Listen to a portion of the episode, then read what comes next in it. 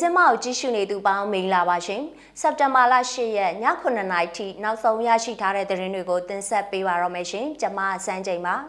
ပြည်ခိုင်ပြိုးစီယုံရေးမှုအိမ်လက်ပစ်ဘုံနဲ့ဝင်ပစ်လို့အမျိုးသမီး2ဦးသေဆုံးပြီးတော့4ဦးဒဏ်ရာရတဲ့တဲ့လွိုင်ကော်မှာစစ်ကောင်စီတပ်ကအိမ်လေးလုံးကိုမိရှုပ်ခဲ့တဲ့တဲ့မင်းညကဟာခါမှာစစ်ကောင်စီတပ်တွေကလက်နက်ကြီးနဲ့ပစ်လို့အဆောက်အဦတွေပျက်စီးပြီးဒဏ်ရာရသူတူရှိခဲ့တဲ့တဲ့ အာဖဂန်မှာတာလီဘန်တို့ကအစိုးရဖွဲ့စည်းကြောင်းကြေညာလိုက်တဲ့သတင်းတွေကိုတင်ဆက်ပေးချင်ပါတယ်ရှင်။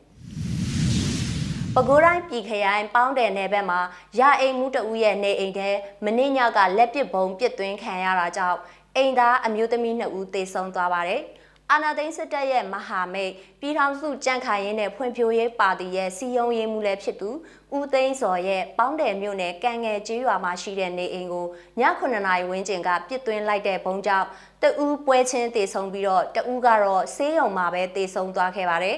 အဓိကပြစ်မှတ်ဖြစ်ဖွယ်ရှိတဲ့ဦးသိန်းစော်နဲ့ကျန်အိမ်သား၃ဦးကတော့ပေါင်းတဲ့ဆေးရုံမှာဆက်လက်ဆေးကူးတာမှုခံယူနေရပါတယ်။သူတို့တွေကစုပြီး TV ကြည့်နေကြတာ ပရင်းပေါက်ကနေလှမ်းပစ်လိုက်တာတဲ့လက်ပစ်ပုံအစ်စ်တဲ့ပြအမျိုးသမီးနှစ်ယောက်တည်သွားတယ်ဦးသိန်းစော်ကဒလန်လို့နာမည်ကြီးနေတာလေလို့ရွာခံတဦးကပြောပါတယ်လက်ပစ်ပုံပစ်သွင်းခဲ့သူမှာထွက်ပြေးလွတ်မြောက်သွားခဲ့ပြီးစစ်ကောင်စီတပ်ကတော့ရွာရင်းနဲ့အနာပတ်ဝန်းကျင်ကျေးရွာတွေမှာစစ်ဆေးမှုတွေပြုလုပ်ခဲ့ပါတယ်။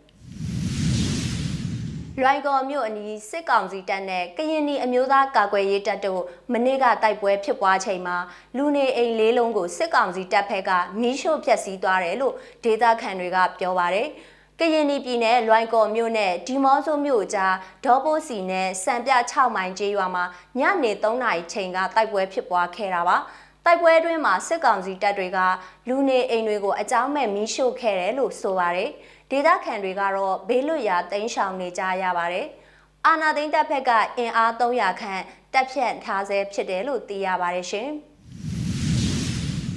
မင်းညကဟာခါမြို့ရင်းမှာဖြစ်တဲ့ပြစ်ခတ်မှုတွေကြောင့်ပြည်သူတို့ပခုံးမှာဒဏ်ရာရရှိခဲ့ပါတယ်။ဒါ့အပြင်စစ်ကောင်စီတပ်တွေကလက်နက်ကြီးနဲ့ပစ်ခတ်တာကြောင့်နေအိမ်တချို့လည်းပျက်စီးမှုတွေရှိခဲ့တယ်လို့ဒေသအခြေဆိုင်မီဒီယာတွေရဲ့သတင်းဖော်ပြချက်အရသိရပါဗျ။ မနေ့ကည10နာရီလောက်မှာချင်းပြည်နယ်မြို့တော်ဟာခါမှာတနက်တန်တွေဘုံပေါက်ကွဲတန်တွေစုစုပေါင်း25ချက်လောက်ကြားခဲ့ရသလိုလက်နက်ကြီးတန်၄ခါကြားခဲ့ရတယ်လို့ဒေသခံတွေကပြောပြပါဗျ။ပောက်ကွဲမှုတွေကြောင့်နေအိမ်6လုံးပျက်စီးခဲ့ရပါတယ်။ဟာခမြို့ဈေးတစ်ချင်းပြည်နယ်စီမံအုပ်ချုပ်ရေးယုံမြမစီးပွားရေးဘဏ်နဲ့စုပေါင်းယုံဘက်မှာပြစ်ခတ်တံတွေပေါ်ထွက်ခဲ့တာပါ။ အဲ့ဒီဖြစ်စဉ်နဲ့ပတ်သက်ပြီးအသေးစိတ်ကိုမသိရှိသေးပေမဲ့ဒေတာခန်တွေကတော့စစ်တပ်နဲ့ဒေတာခန်တပ်တွေအပြန်အလှန်ပစ်ခတ်မှုဖြစ်ခဲ့တာလို့ယူဆနေကြပါတယ်ရှင်။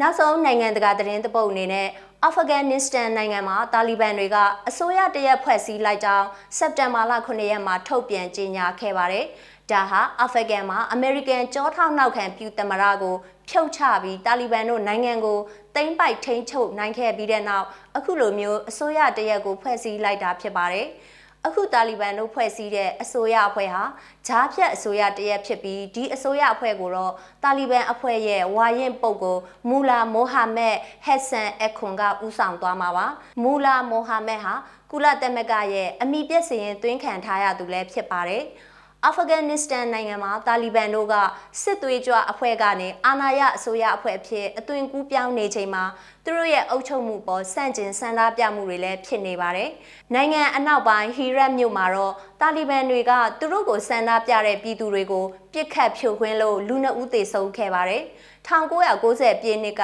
တာလီဘန်တို့ရဲ့လူမဆန်ပဲဖိနှိပ်ချုပ်ချယ်တဲ့အုပ်ချုပ်မှုအတွင်းအကြီးတန်းဝန်ကြီးတဦးဖြစ်ခဲ့တဲ့မူလာမိုဟာမက်ဟက်ဆန်အခွန်ကိုအခုအစိုးရအဖွဲ့ရဲ့ခိတဝန်ကြီးချုပ်ဖြစ်ခန့်အပ်လိုက်တယ်လို့တာလီဘန်ပြောခွင့်ရသူကကဘိုးမှာပြုလုပ်တဲ့သတင်းစာရှင်းလင်းပွဲမှာပြောခဲ့တာပါ တာလီဘန်တွေရဲ့အစိုးရအဖွဲ့ဟာအားလုံးပါဝင်တဲ့အစိုးရတရက်ဖြစ်မယ်လို့သူတို့ကဂတိပြုထားခဲ့ပေမဲ့အခုကြေညာလိုက်တဲ့အစိုးရအဖွဲ့ထိပ်ပိုင်းနေရာတွေမှာတော့တာလီဘန်လှုပ်ရှားမှုအဖွဲ့နဲ့ဟက်ကာနီကွန်ရက်ရဲ့အဓိကခေါင်းဆောင်တွေပဲပါဝင်နေပါတယ်။ဟက်ကာနီကွန်ရက်ကတော့ထိခိုက်ပျက်စီးစေမှုများပြားခဲ့တဲ့တိုက်ခိုက်မှုတွေအတွက်လူသိများတဲ့တာလီဘန်တို့ရဲ့အကြမ်းကြုတ်ဆုံးအဖွဲ့ခွဲဖြစ်ပါတယ်။ ယခုတာလီဘန်အစိုးရအဖွဲ့ထဲမှာအမျိုးသမီးတဦးတစ်ယောက်မှပါမလာခဲ့ပါဘူး။ဒါပေမဲ့အခုအစိုးရအဖွဲ့ဟာဂျားဖြတ်အစိုးရအဖွဲ့သားဖြစ်ကြောင်းနဲ့သူတို့အနေနဲ့နိုင်ငံရဲ့အခြား area တွေစီကလူတွေကိုလည်းအစိုးရအဖွဲ့မှာထည့်သွင်းဖို့ကြိုးပမ်းသွားမှာဖြစ်ကြောင်းတာလီဘန်ပြောရေးဆိုခွင့်ရှိသူ